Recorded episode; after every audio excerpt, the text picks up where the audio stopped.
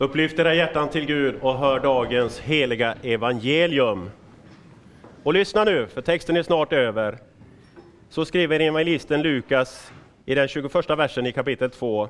När åtta dagar hade gått och barnet skulle omskäras fick han namnet Jesus, det namn som ängeln hade gett honom innan han blev till i sin mors liv. Så lyder det heliga evangeliet. Nåd vare med er alla och frid ifrån Gud, vår Fader och Herren Jesus Kristus. Låt oss be. I Jesu namn vill vi börja denna dag, detta nya år. Samla oss, Herre Jesus, omkring dig. Ja, Herre, du har själv sagt att där två eller tre är samlade i mitt namn, där är jag mitt ibland dem. I förlitande på ditt löfte så ber vi dig nu, du som är här, rör vid våra hjärtan. Gör dig personlig för var och en av oss. Sänd din heliga Ande att tala rakt in i våra hjärtan och liv. Det ord som du själv har gett. Ja, Herre, helga oss i sanningen. Ditt ord är sanning. Amen. Hos ingen annan finns det frälsning. Inte heller finns det något namn under himmelen, något annat namn, som givits åt människor genom vilket vi blir frälsta. Vi sjöng ju de här orden som eh, är hämtade från Apostlagärningarnas fjärde kapitel, vers 12. Det är åttonde dagen efter juldagen, efter det att vi firat Jesu födelse. Den dag då Jesus skulle omskäras och fick då det namnet Jesus. Det här namnet gavs den stunden inte bara åt ett människobarn. Det gavs åt hela mänskligheten. Alla människor fick i denna stund namnet Jesus till att åkalla och bli frälsta. Det finns inget annat namn som har getts genom vilket vi kan bli frälsta, skriver aposteln. Frälsta från ett evigt mörker eh, i en evig död till ett evigt liv i en evig salighet med Gud. Men i detta namn finns just den frälsningen, en frälsning för hela världen. Namnet Jesus är givet till hela världens frälsning. Om vi först ska stanna upp inför vem det är som har givit detta namn. Namnet Jesus, det är givet till frälsning av Gud Fadern. Och det är från evighet. Det är hisnande att tänka. Av evighet har Gud förutbestämt om detta barn att det skulle ha namnet Jesus. Och att ge namn åt sitt barn, ja det vet ju alla ni som har fått den förmånen. Det är inte någonting oviktigt. Vi ger inte våra barn vilket namn som helst. Namnet ska säga oss någonting. Och eh, som far så vill man ju gärna ge sin förstfödde son något av sina egna namn. Vem har inte gjort det? Jag har gjort det. Kanske är det flera som har gjort det. Att Marias förstfödde son skulle ha namnet Jesus, det var inte något oviktigt eller oväsentligt. Det var i allra högsta grad något helt avgörande vilket namn han skulle ha. Det var helt avgörande för Fadern, den himmelske Fadern, Gud Fader, att ge denne sin enfödde son något av sitt eget namn. Ja, han skulle uppkallas efter Gud själv. Namnet Herren, eller JHVH. För namnet Jesus betyder just detta, Herrens frälsning. Och det namnet säger allt om vem detta barn är och vad detta barn skulle göra. För oss kanske ett namn inte säger riktigt så mycket. Men eh, om barnet Jesus säger detta namn allt. Han är Herren och han ger frälsning. Just vad hans namn betyder, så är hela hans person, hela hans verk sammanfattat i detta namn, Jesus. Men då kan vi ju tänka, finns det inte många i historien som har hetat Jesus? Jo, visst finns det det. Det finns många som har fått det namnet. Och ändå finns det ju inte många som, som är, bara för att de heter Jesus, just Herrens frälsning. Men att jungfru Marias son verkligen är Herrens frälsning, det står ju helt klart, helt fast, när vi betänker vem det då faktiskt är som har gett honom det namnet. Det är inte Maria, det är inte Josef som kommer på att ge barnet detta namn. Som om det var ett fint namn i största allmänhet. Det är Gud, den evige guden, som har gett detta namn åt detta barn. Josef och Maria får ge namn åt barnet på Guds befallning. Och det är så avgörande att detta barn ska heta Jesus att både Maria och Josef var för sig får en befallning från Herrens ängel om denna sak. På Guds uppdrag får ju ängeln Gabriel befalla Maria, se du ska bli havande och föda en son och du ska ge honom namnet Jesus. Det hör till hennes uppdrag att föda världens frälsare. Han måste ha namnet Jesus. Det fanns liksom ingen möjlighet för Maria att säga, nej men jag vill att han ska heta någonting annat. Och det är samma budskap som ängeln frambär också till Josef. Du ska ge honom namnet Jesus, för han ska frälsa sitt folk från deras synder. Här blir det också förklarat för Josef varför han ska ha namnet Jesus. Inte bara för att barnet i sig ska ha ett namn att lystra till. Här blir det förkunnat ett namn som Guds folk i alla tider ska lystra till. Ett namn som förkunnar frälsning. Frälsning från evig död för syndens skull i djävulens våld. Och detta namn det är givet av Gud Fadern från evighet. Detta är också någonting helt avgörande. Att namnet är förutbestämt i förväg. Gud har inte tänkt ut ett namn i efterhand. Men är det då så avgörande när namnet bestämdes? Jag skulle vilja göra en liten jämförelse, kanske lite naiv, men ändå. Redan när jag själv var en ung pojke så hade jag bestämt vad min förstfödde son skulle heta. Det kan låta lite naivt, men eh, vissa av er kanske kan gissa vad jag hade bestämt att han skulle heta. Ni vet David och Jonathan var de bästa vännerna. Och så hade jag också förutbestämt att han ska heta Jonathan. Det här var en sån viktig sak. För mig, en vanlig människa. Att jag till och med förutsade det för min hustru innan vi ens var gifta, min blivande hustru. Om hon hade sagt nej till det namnet, det vet jag inte vad som hade hänt då, men i alla fall. Jag tog henne till hustru och hon födde min förstfödde son och han fick namnet Jonathan. Herren har givit. Ni vet vad det kan betyda att ha bestämt ett namn. Kanske inte är någon som är så naiv som jag var i detta. Men det kan ändå få säga någonting om hur viktigt det var för Gud, Fadern av evighet, att det som han bestämt, så skulle det också bli. Och för Maria fanns det ju inget val att motsätta sig detta namn. Vad hade hänt om hon hade motsatt sig den saken? Det behöver vi inte spekulera om. Jesu namn var bestämt och givet innan han blev till i sin mors liv, står det. Och då kan vi fråga oss, men hur långt innan? Av evighet. Alltså det finns ett namn som är förutsagt och förutbestämt av evighet. Det är märkligt. Ett namn på en människa. Som är, finns redan uttänkt före världens skapelse. Paulus skriver att, om Jesus att han var utsedd redan före världens skapelse till att bli till världens frälsare. Men man kan fråga sig, fanns hans namn förutbestämt? Var det verkligen förutbestämt vilket namn han skulle ha?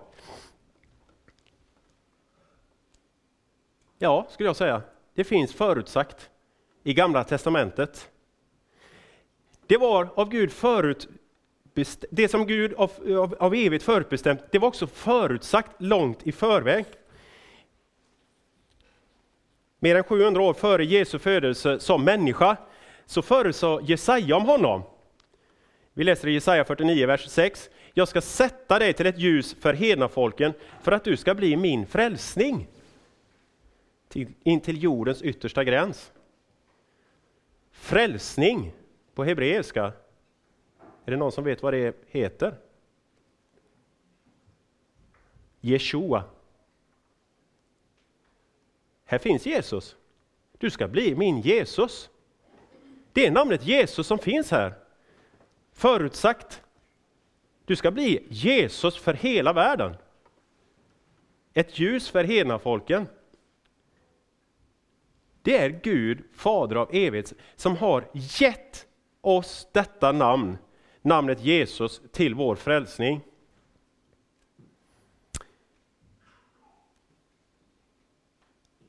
Detta namn, vi ska nu gå vidare och tala om, det namnet Jesus, det är givet till världens frälsning vid ett specifikt tillfälle.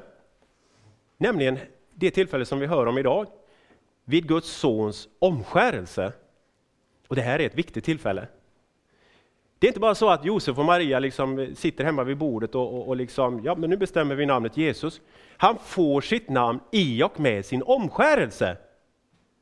För på något annat sätt kan han inte få det namnet. Och vara det som det namnet säger. Det var inte bara barnet självt som då fick namnet Jesus. Utan namnet Jesus gavs till hela världen i och med hans omskärelse.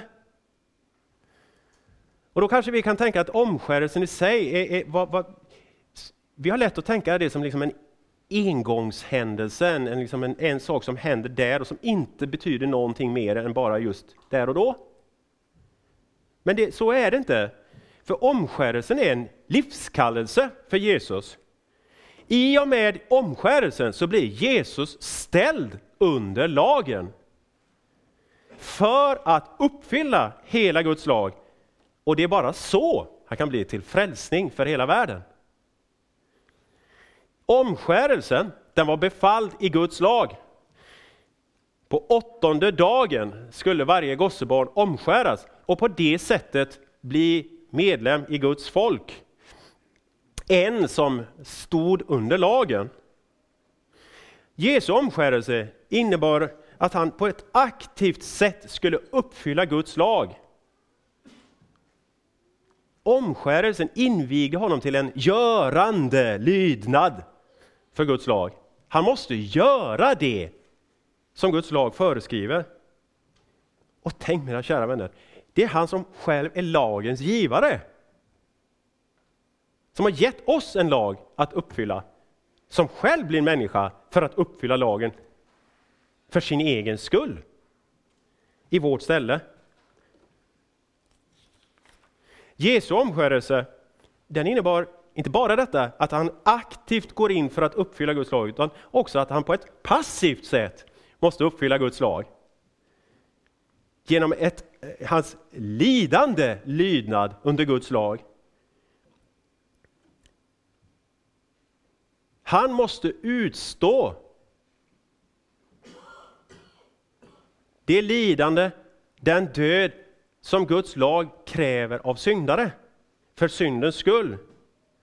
Omskärelsen skedde inte utan blodsutgjutelse. Det var inte utan lidande och smärta från första stund som Jesus blev ställd under lagen. Hans lidande börjar redan här.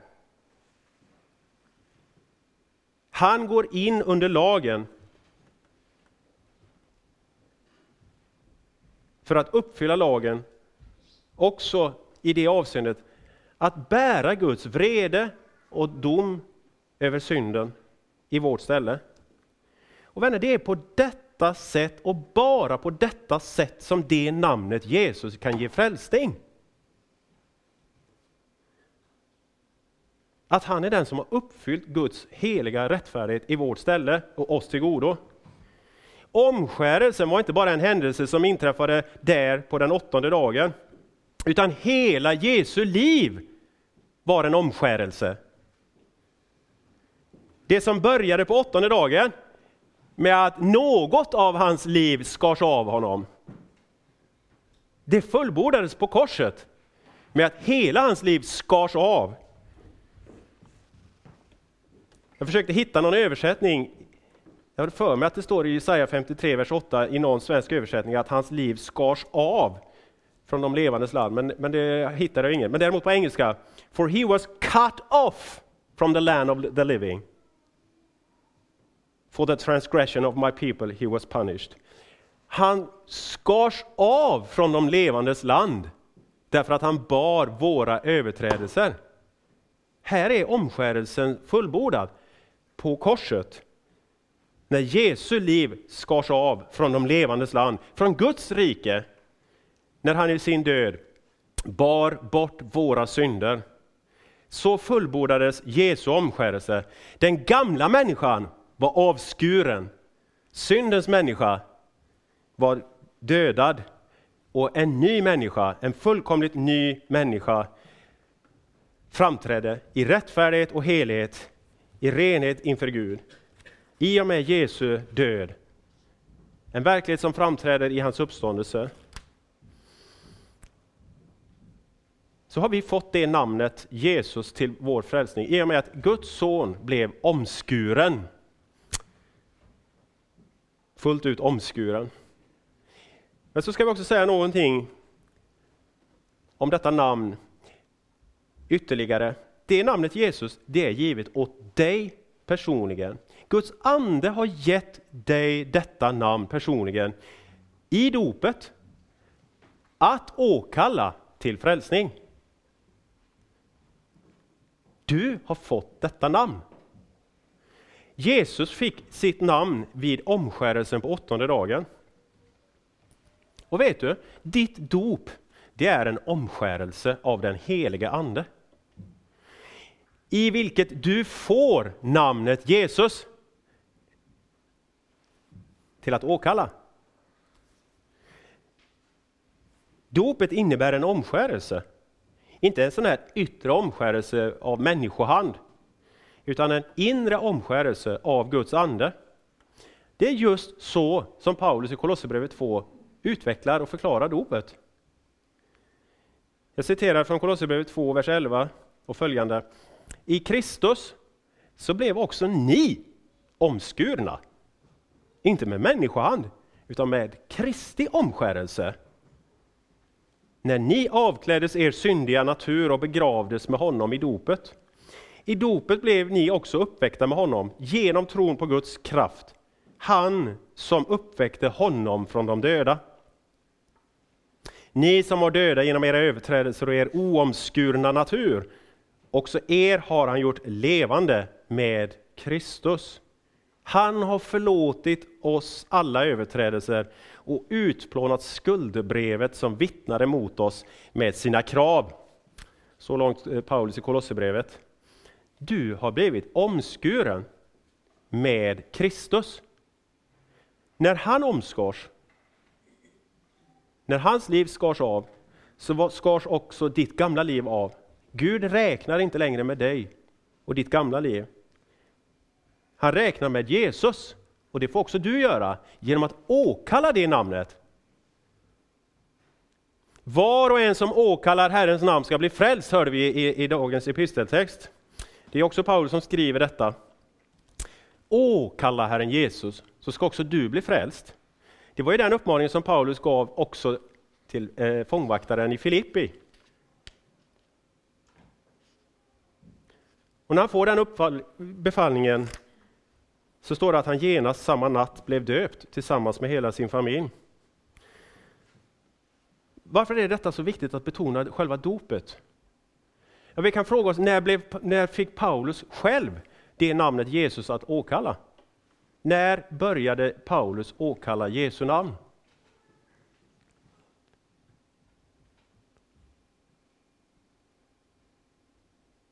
Är det någon som vet? Ni vet Ananias kommer till Paulus efter att han har varit blind i tre dagar, befunnit sig i ett mörker. Och Ananias befaller Paulus, låt dig döpas och tvättas ren från dina synder och åkalla Herrens namn. Paulus, liksom du och jag, har i dopet fått namnet Jesus. Det har blivit vårt namn. Det får vi räkna som vårt. Inte bara räkna det som, vårt, som ett namn sådär som, som utan mening, utan med allt vad det namnet betyder och står för. Jesus är min frälsare, min Herre. Detta ska du åberopa. Du får åkalla Herrens namn. Åberopa den rening från synden som Anden har gett dig i dopet. Att åkalla Herrens namn, det innebär en daglig omvändelse. Att leva hela ditt liv under Guds omskärelse.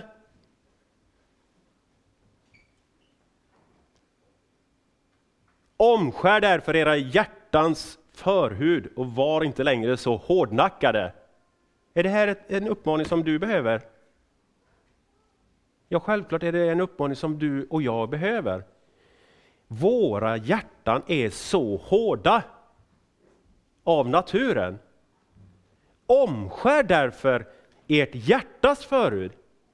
Ja, redan till hjärtat behöver Gud få komma till tals för att skära bort allt det gamla. Känner du något av vad som rör sig i ditt hjärta? Då vet du vad, det, vad som ligger i detta, att Herren ser hur hårdnackad du är. Se de orena och onda tankarna och begären. Innerst inne finner du inte att du är god som Gud, utan att du är mycket ondare än vad du själv velat tro. Det finns ingen fruktan för Gud. Ingen fruktan för Gud. Du kan frukta allting annat, men inte Gud. Det finns ingen förtröstan på Gud. Du kan hoppas på allting annat. På pengar och hälsa, fred och frihet. Men ingen förtröstan på Gud. Istället finns det bara allt slags begär till det som är ont, till det som är emot Gud.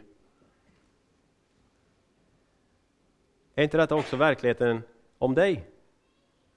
Vad ska du göra för att bli frälst? Åkalla Herrens namn. Det var en sån underbar formulering i den gammaltestamentliga texten som är väl värd att stava på gång på gång. Våra missgärningar vittnar mot oss. Men grip ändå in för ditt namns skull, Herre. Vilken underbar bekännelse. Verkligheten om dig själv är att dina missgärningar vittnar mot dig. Men för sitt namns skull vill Herren frälsa dig. För han är trofast, också om vi är trolösa. Så här i början av ett nytt år så kanske någon av er har avgett nyårslöften. Löften om att börja ett nytt liv, ett bättre liv. Man vill inte gärna börja ett sämre liv. Och det kan väl vara bra i det yttre, ja kanske till och med någonting gott i sig, att bestämma sig för att lägga bort någonting som är dåligt. Det kan vi behöva bestämma oss för ofta. Inte minst när det handlar om, om dåliga vanor. Men i ett inre avseende, i förhållande till Gud, kan du aldrig genom egen försats avgöra dig för att börja ett nytt liv. Ett bättre liv. Ett frommare liv. Men du får börja detta nya år i Jesu namn. Och då kan du inte börja det bättre. För i det så har du börjat i fullkomlig rättfärdighet. Då får du lägga av dig allt som har blivit fel det får du lägga ifrån dig, det får du kasta på Herren. Du får göra det i syndabekännelsen. Du får bekänna ditt hårda hjärta, din ovilja mot Gud och hans bud och din hårdhet i förhållande till dina medmänniskor som så ofta tar sig uttryck i, i kärlekslösa ord och tilltal. och så får du åkalla Herrens namn. Börja ett nytt år, börja en ny dag, varje ny dag detta år på det sättet som en fullständigt god och rättfärdig människa i Kristus. Detta är ett löfte som Gud har gett dig. Så får du ta vara på Guds nyårslöfte. För detta löfte står fast också detta nya år.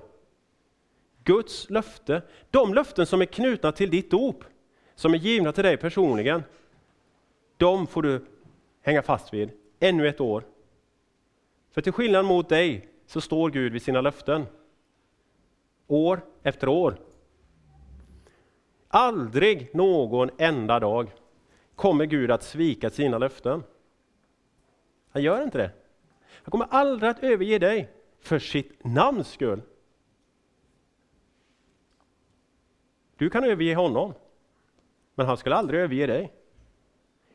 Du kan uppleva stunder, och det kan komma mörka stunder. Du kanske redan befinner dig i ett mörker. Och mörkare kan det bli för dig under detta år. Då det känns för dig som om Gud har lämnat dig. Som om Gud inte finns för dig. Då får du åkalla Herrens namn. På, precis på samma sätt som eh, vi läste i den gammaltestamentliga läsningen för idag. Varför är du som en rådlös man, som en hjälte som inte kan hjälpa? Du finns ju mitt ibland oss, Herre, och vi är uppkallade efter ditt namn. Överge oss inte. Nej, han överger dig inte när du åkallar hans namn på det sättet. Ännu detta år finns Herren mitt ibland oss. Han finns mitt ibland oss för sitt namns skull. När vi är samlade i hans namn så är han här mitt ibland oss. Att vi får samlas här idag till gudstjänst bevisar att Herren har inte övergett oss. Överge då inte du honom. Detta år kan vara ett sånt helt evighetsavgörande år för någon av oss. För dig. Och allt har att göra med, går du bort ifrån honom? Eller blir du kvar hos honom, där han själv bor mitt ibland sitt folk? Det folk som han har uppkallat i sitt namn. När han samlar sitt folk omkring ordet och sakramenten. Han är nära här. Inte bara för att det är en byggnad här, utan för att vi är samlade i hans namn, för att höra hans ord, för att möta honom i, i den heliga nattvarden.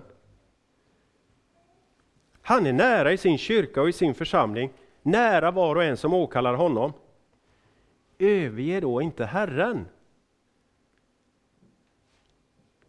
Förspill inte Guds nåd genom att börja ursäkta och bejaka synden.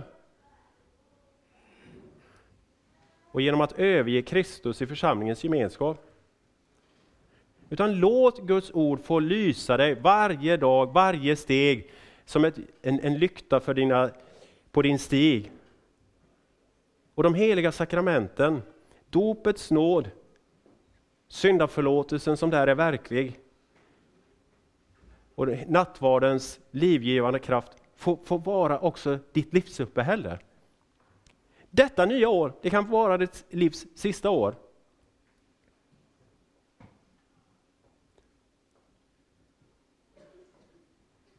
Kanske är det detta år som står tecknat över, över dig som ditt dödsår. Vad är det avgörande för dig? Ja, men det avgörande är ju att du får en salig hädanfärd, för att uttrycka sig med ett gammaldags ord. Detta var det enda viktiga för den gamle Simeon. Nu behöver du inte vara gammal. Det är saligt om det kan vara det enda viktiga och avgörande för dig. Så att du kan få säga, när din stund kommer, om det blir under detta år eller om det blir, dröjer ännu många år. Jag har fullbordat mitt lopp. Jag har bevarat tron. Och, och kan, kan, du inte säga det här idag, min vän, då, då, då, ska du inte tveka en dag utan att söka svar på den, på den frågan. Har du blivit bevarad i tron? Har du själv bevarat tron? Bevarat tron på Jesus. Så att du kan säga att jag har fullbordat mitt lopp. Och inte stupar på mållinjen. Och vissheten om den saken, om din frälsning, den ska du inte söka hos dig själv utan hos Jesus. I hans ord, vid hans bord, där du får nåd att tro, se och tro dina synder förlåtna i hans namn.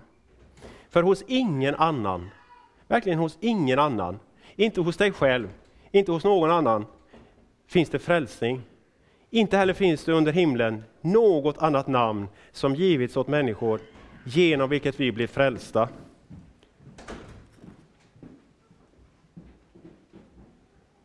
Så får vi för det namnets skull, Jesu namn, börja, fortsätta och avsluta också detta år i Jesu namn. Amen. Låt oss be. Lovad vare Gud och välsignad i evighet, som med sitt ord tröstar, lär, förmanar och varnar oss. Heliga Ande, skriv ordet i våra hjärtan, att vi inte blir glömska hörare, utan varje dag växer till i tro, hopp, kärlek och tålamod intill tidens slut och blir saliga. Genom Jesus Kristus, vår Herre. Amen.